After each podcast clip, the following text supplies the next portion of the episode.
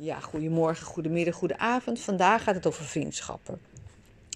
Er is een degelijk verschil tussen mannen en vrouwen, maar we gaan niet in clichés vervallen. Ik ga jullie meenemen van wat, wat is nou uh, de oplossing als jij voelt van hé, hey, dit loopt echt helemaal fout. Of je blijft in emotie hangen en je weet eigenlijk niet wat je ermee moet doen.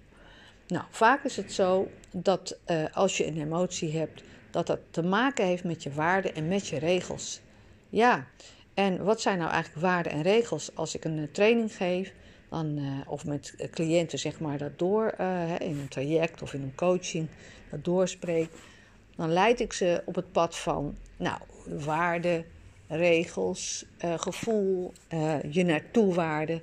Ja, dat kan ik nu niet 1, 2, 3 bespreken. ik kan alleen maar een voorbeeld geven. loyaliteit, rust, passie.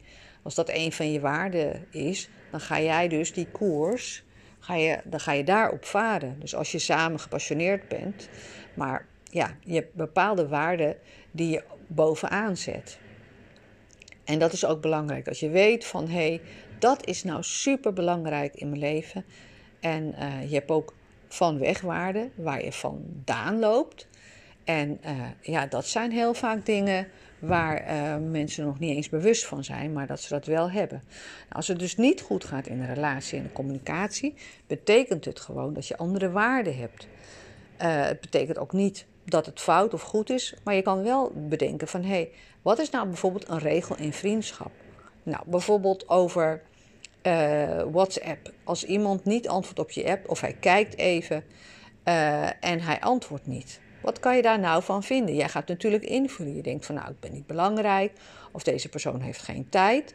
Maar als de emotionele bankrekening, als dat vol is, hè, dus de emotionele bankrekening, wat je al met elkaar besproken gedaan hebt, dat is heel belangrijk om dat bij te vullen. Dus zorg altijd dat jij weet van hé, hey, dit is de vriendschap waard. Alles heeft waarde. En als jij uh, onzeker bent of de ander onzeker is over de vriendschap, dan komt er natuurlijk een diepe emotie bij kijken. Het is best wel theoretisch allemaal. Ik zal het misschien een beetje minder wollig uh, maken.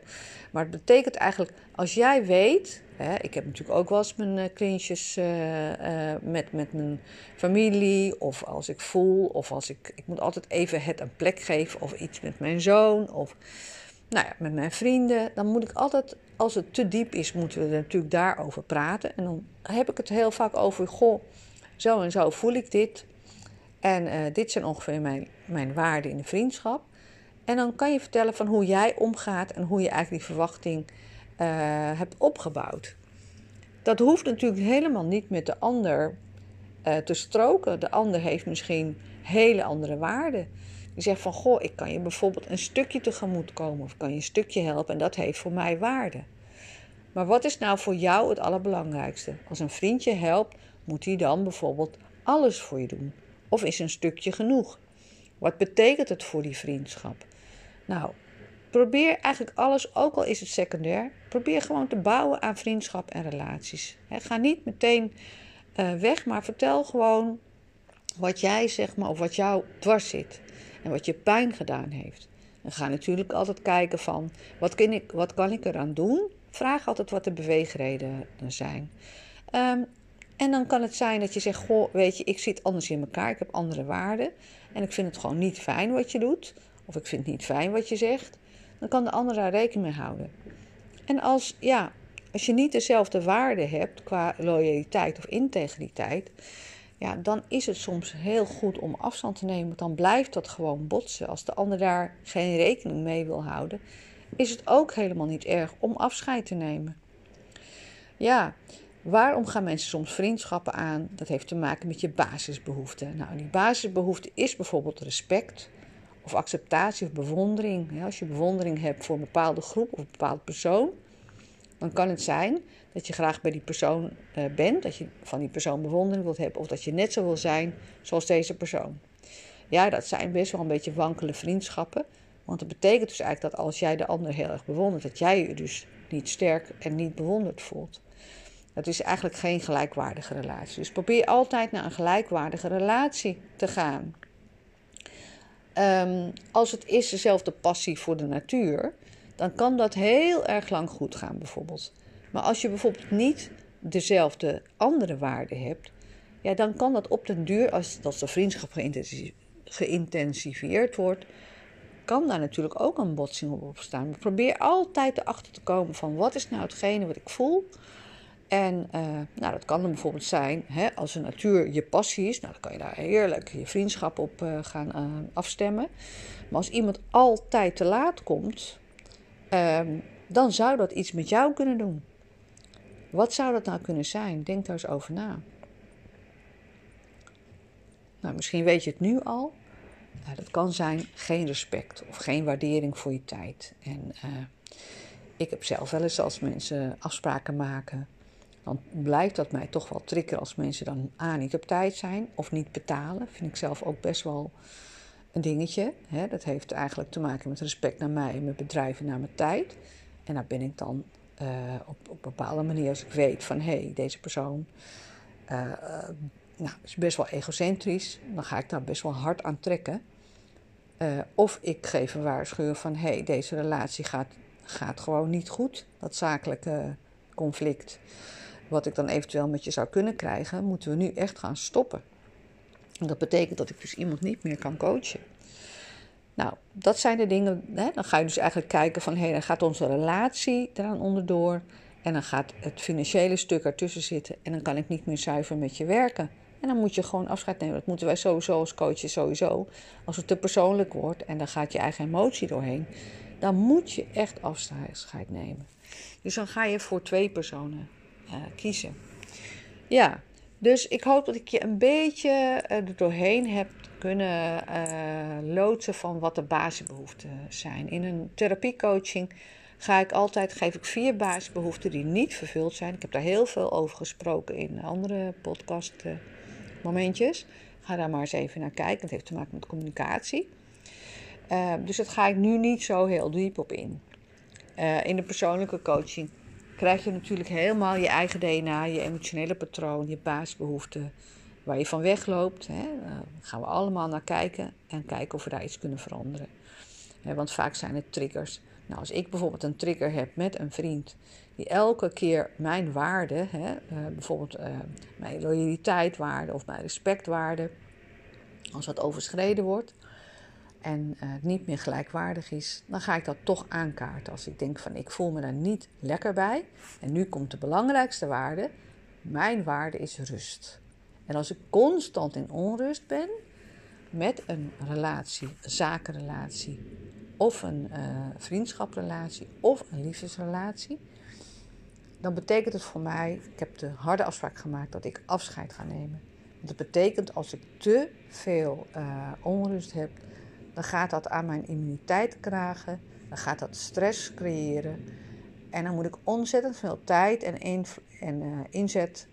Uh, nou ja, inzet heb ik wel. Hè, als het natuurlijk heel waardevol is dat die emotionele bankrekening heel erg gevuld is. Als ik miljonair ben, uh, in verband met wat we allemaal hebben opgebouwd qua emotie, liefde, inspanning en tijd, dan gaan we daar natuurlijk naar kijken.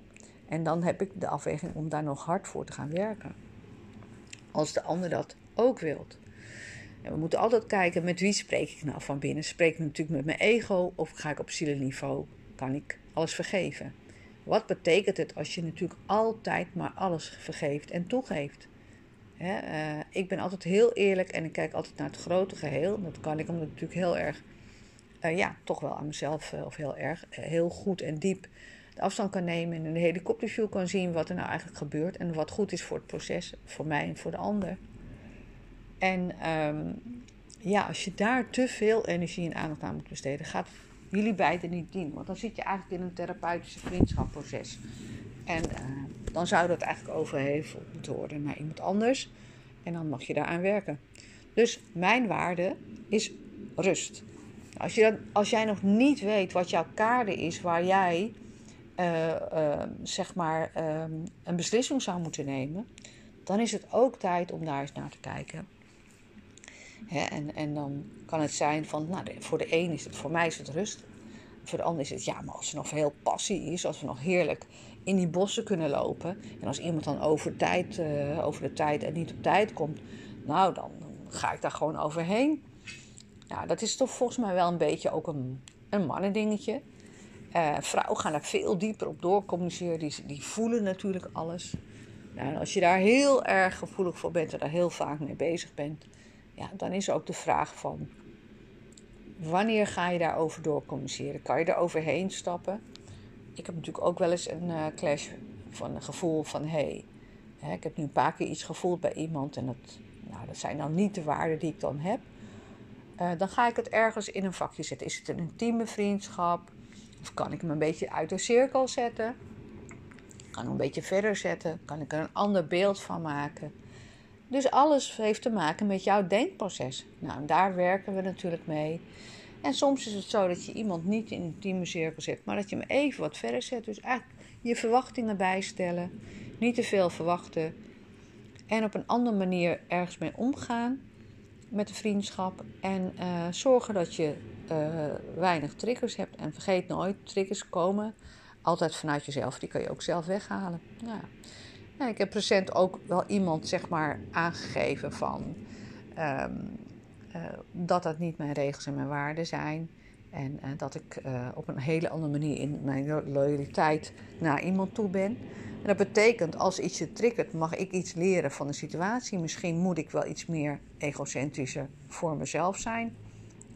En niet de mensen zeg maar voorop stellen of mijn dieren voorop stellen. En dat heeft te maken met zo'n ontzettend empathisch vermogen dat het mijzelf kan schaden.